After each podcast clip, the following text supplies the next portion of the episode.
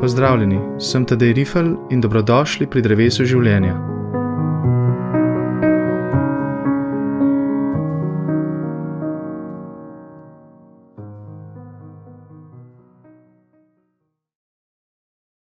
Najbrž bi bilo dobro in smiselno, če bi potem, ko sem govoril o tistem zemeljskem, okletnih prostorih, in o tistem nebeškem, o podstreš, podstrešju v naših hišah, v naših stanovanjih. Povedal tudi nekaj o prostoru, ali pa bolj rečeno o um, trenutku, ko se ti dve dimenziji, neba in zemlje, stakneta ko se dotakneta. To pomeni, da bi moral reči nekaj o človeku, ki je nek najboljši primer tega stika med nebom in zemljo. Ampak vendarle bi se tej skrivnosti človeka rad približal postopoma v več korakih. Tako bi za začetek izbral en simbol, kjer naš jezik že uporablja um, ta dotik, pa ta stik nebeškega zemeljskega. Rad bi govoril o dotiku Božjega prsta. Pa za začetek mogoče ena aktualna situacija. Najbrž ste slišali, da je v tem tednu nažalost preminil veliki nogometni virtuoz Diego Armando Maradona, za katerega, oziroma o življenju katerega se večkrat omenja eh, poseg tako imenovane božje roke.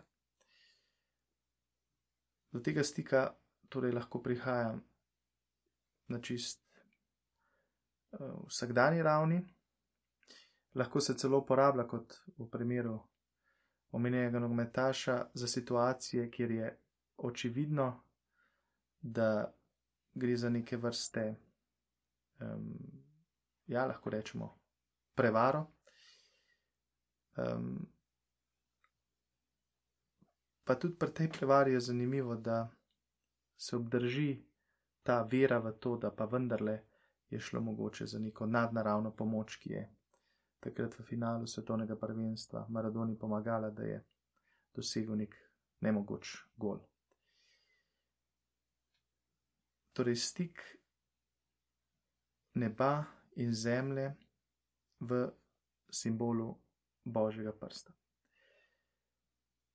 Na začetku dva pomena božjega prsta, tako splošna, mogoče do neke mere tudi samovoljna z mojo razlago in sicer najprej božji prst kot notranji glas, pa klasično kot vest, tisto, kar nas opominja, da nekaj naredimo ali pa da nečesa ne naredimo. Torej, iz tega opomina, iz tega notranjega glasu potem sledijo naša dejanja.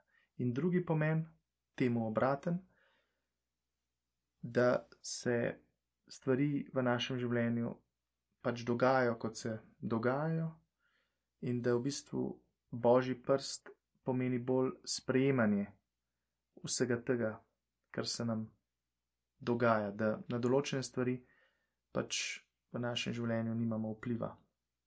Torej, ta drugi pomen v tem klasičnem smislu bi lahko govorilo, govorili o usodi to oboje se prepleta, se pravi, da se nas dotika um, nekaj nedomljivega, nekaj skrivnostnega in vpliva na naše življenje, na naše dejanja.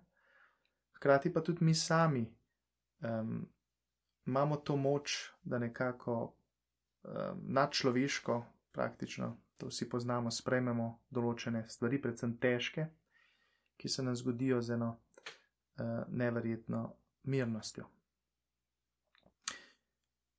Klasično gledano je seveda pomen božjega prsta, bi rekel, prej negativen, kot pa pozitiven. Gre za neko pomin, če ne celo za neko kazen, um, ki zadane človeka. V ozadju tega je verjetno neka tradicija, oziroma lahko rečemo več tradicij, um, ki to mnenje, da gre v bistvu pri božjem prstu za božjo kazen, za neko intervencijo z neba, ki je v bistvu za nas um, britka. Um, se pravi, za te klasične razlage, ki to podpirajo. Recimo v Bibliji, v svetem pismu, beremo, da je božji prst tisti, ki je um, zapisal deset božjih zapovedi na dve tabli, in posledično je Bog tudi tisti, ki pošilja razno razne kazni za um, pač določene situacije oziroma določenim ljudem. Ne. Lahko jih razumemo tudi kot preizkušnje, ampak v zadju zagotovo ideja neke moralne oziroma religiozne avtoritete, ki naj bi se človek držal. Um, Zdaj, zakaj sem rekel negativen? Zato, ker tukaj še manjka ta pozitivni del te človeške svobode, da se človek dejansko je zmožen eh, odločati um, za dobro in ga tudi uh, udejanjati, ne pa samo, da je pod prisilo nekega um, zunanega ali pa ne nazadnje tudi nekega notranjega zakonodajalca, ki je z njim seveda povezan, pa vendarle ni njemu Eh, čist enak. Primerov za to je res veliko, eh, predvsem v literaturi jih najdemo, namreč zato, da eh, je božji prst neka kazen, recimo v visoški kroniki. Ko sem raziskoval, sem naletel na nekaj teh primerov. Polikarp Kalan um, ohromi uh, na pol telesa uh, in to njegovo hromost se povezuje z eh, božjim prstom, ki ga je pač kaznoval ne, eh, z boleznijo. Eh, potem sem pa našel še en drug, eh, še zanimivejši eh, primer, kjer v časniku delu nek bralec verjetno razmišlja o um, način, različnih načinih zdravljenja in kako je v bistvu božji prst tisti, torej spet neka bolezen, ki nas doleti, ki lahko tudi nekoga, ki prej ni verjel nekim, bi rekel, bolj alternativnim oblikam zdravljenja, ali pa v končni fazi um, neki um, priprošnji k Bogu, ne, kot pravi ta uh, avtor v delu, začne uh, temu verjeti. Um, če ponazorim s tem konkretnim citatom, tako le pravi, ko udari božji prst, tudi ateist nima nič proti, če kakšna teta prižge svečo uh, v cerkvi. Um, torej, božji prst, ta citat se mi zdel zanimiv, ker ne gre samo za božji prst, ki nekaj naredi v našem življenju, ampak v bistvu tudi povzroči pri nas um, neko spremembo. Torej, ne gre samo za tisto, kar nas doleti, ampak tudi to, kar človeka v bistvu zdrami. Torej, da je mesto dotika hkrati kazen in že v bistvu neko lahko. Um, Neko spreobrnenje v smislu drugačnega um, pogleda na ta svet. No, me je pa pri tem citatu tudi nekaj zmotilo ali pa pustilo tako nemirnega in sicer to, da pravi, da božji prst udari.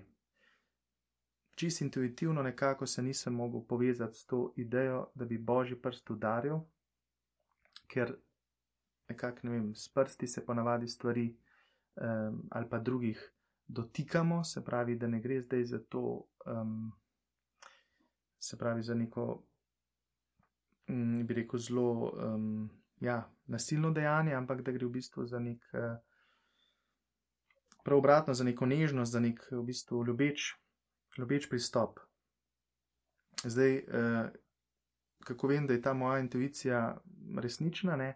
Če se ozrem v vem, zgodovino, v našo tradicijo, imamo recimo lep primer v Michelangelovi upodobitvi tega božjega prsta v njegovi um, sliki stvarjenje, kjer se Bog dotika ob stvarjenju človeka, torej Adama. Ne? Se pravi, božji prst tukaj v tej sliki zasije uh, v, neki drugi, v nekem drugem smislu. No, in potem sem našel v, um, večkrat sem že omenil danes Biblijo, uh, v svetem pismu še en primer, ko Jezus uh, s prstom, ne, ki je po uh, krščanski veri seveda tudi božji prst, um, ozdravlja bolnike oziroma iz njih izganja demone. Se pravi, um, nikako ne gre samo, oziroma sploh ne gre za kaznovanje, ampak gre v bistvu za um, ozdravljanje. Torej, več vidikov vidimo, da se tukaj prepleta, in nekako se sprašujem naprej, ali smo zdaj mi kultura tega pomena božjega prsta, ki v bistvu kaznuje, kjer nas uh, tisto, česar ne razumemo, kar nas presega, kar nam je nedoumljivo, kar je mogoče na neki, neki, ja, v nekem delu tudi mogoče čudno ali pa celo strašljivo, kar recimo pri podstrešju smo to lepo videli, lahko je, ali nas to v bistvu um, kot ljudi bolj stiska, oziroma se tega bojimo, smo v bistvu bolj potem eh, podvrženi nekemu strahu, ali pa vendarle nas, to, nas ta božji prst tako prijazno spodbuja, prijazno kliče, ne? ko začutimo v sebi nek notranji glas, to moramo narediti v življenju, ali pa tega absolutno ne smemo. To ni nek udarec, kot v kažem primeru, neko nas nekaj zadane, eh, nekaj negativnega, ampak je v bistvu res vabilo, spodbuda, um, da naredimo uh, nekaj dobrega. Torej, ali smo lahko tudi kultura um, tega v bistvu um, pomena božjega prsta v smislu uh, dotika, uh, v smislu neke ljubeznivosti um, do samih sebe um, in do drugih in pa to, ali je zdaj ta božji prst res lahko simbol tega pristnega dotika med nebom in zemljo, um, ali pa je lahko tudi um, pač znamenje nekega uh, razdora, ne? nekega v bistvu simbol nečesa, kar nas ne, ne, ne, ne daje mir, ampak nas prej vznemirja. Zdaj oboje je možno, oboje je tudi posem naravno. Z neba lahko pada toča, lahko padajo strele in uničujejo tisto, kar je na zemlji. Um, in je to res lahko neka božja kazen um, za ta svet, za naše življenje, lahko pa seveda tudi pada dež, ki moči to zemljo, seveda lahko spet povzroča poplave, imamo spet negativni vidik, ali pa pač ta nežnost v obliki neke. Nekih kapljic rose, ki v bistvu osvežijo in nikako ne škodujejo zemlje, ampak jo uh, v bistvu uh, spodbujajo. No, čist na koncu sem se pa potem, ko sem o teh stvarih razmišljal, vprašal eno preprosto vprašanje. Ali mi sploh še danes, bodi si, da smo res bolj vem, kultura tega strahu, tega, da smo enostavno v krču, da nas nekaj um, zelo, bi rekel, straši, pač nekaj tisto drugo, drugačno, ali to podobi ne vem, nekega drugega človeka, ki nam prihaja naproti neke ne vem, življenjske situacije. Vem, še bolj aktualno, bolezni, nas to straši, zapira, ali se nas to pač dotika uh, v tem smislu, ki je lahko, seveda, lahko zelo tudi. Ne rečem, da ni strašljivo ali pa hudo, ampak vendarle, kot sem prej rekel, priložnost za neko preobrazbo ali pa za neko spremembo v življenju, ali pa celo, da smo mi sami zmožni um, biti tisti, ki potem nekako ustvarjamo te um, dotike, oziroma uh, pač te dotike posedujemo naprej. Ne? Se pravi, da smo um, že tok del te spremembe, da sami postajamo akteri. Um, v čisto na začetku, ko sem povedal tiste dva, dva pomena vesti in pa usode, um, tudi tam se vedno prepleta ta vidik, kjer smo mi lahko samo neki pasivni sledilci nekih ne vem, zapovedi, ki so nam bile dane s kulturo, z vzgojo, a ne pa temu sledimo, pa se nikoli v bistvu ne ogrejemo za njih. Um, ali pa smo pač pri tem aktivni, se v bistvu res z neko dobro voljo odločimo za, za te dobre, dobre stvari, za dobre, eh, pač sprejmemo dobre odločitve. Isto z usodo, ali smo samo neki pasivni sprejemniki te usode in se nam pač dogajajo različne stvari in rečemo, ja, pač tako je. Ali pa v bistvu z neko aktivnostjo to sprejemamo in rečemo, ja, tudi to, čeprav je težko, čeprav je hudo, sprejemamo z neko dobro namernostjo. No, ampak zdaj to vprašanje, ki sem ga pa imel na koncu, pa je, ali sploh še verjamemo v to silno moč tega dotikanja smisla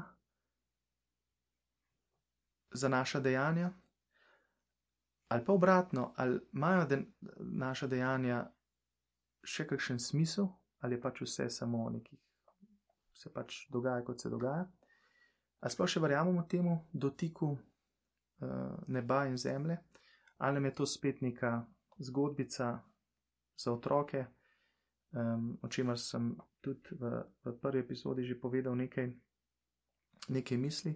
Torej, ali je to nekaj v končni fazi lažnega ali pa ima neko resnično vrednost. No, sam seveda globoko verjamem, da te stvari imajo resnično vrednost in da je ta dotik zemlje in neba resničen, čeprav je mogoče v prispodobah eh, prikazan, eh, čeprav je mogoče ta simbol božjega prsta nekomu le neka jezikovna figura um, um, ali pa kaj drugega, ne, kar v bistvu povezuje bolj z neko eh, nekonkretnostjo. Um, pa vendarle smo videli, koliko primerov v bistvu v tradiciji in v našem življenju, ne, um, končno spet, če se vrnem čisto na začetek, tudi v zgodbi.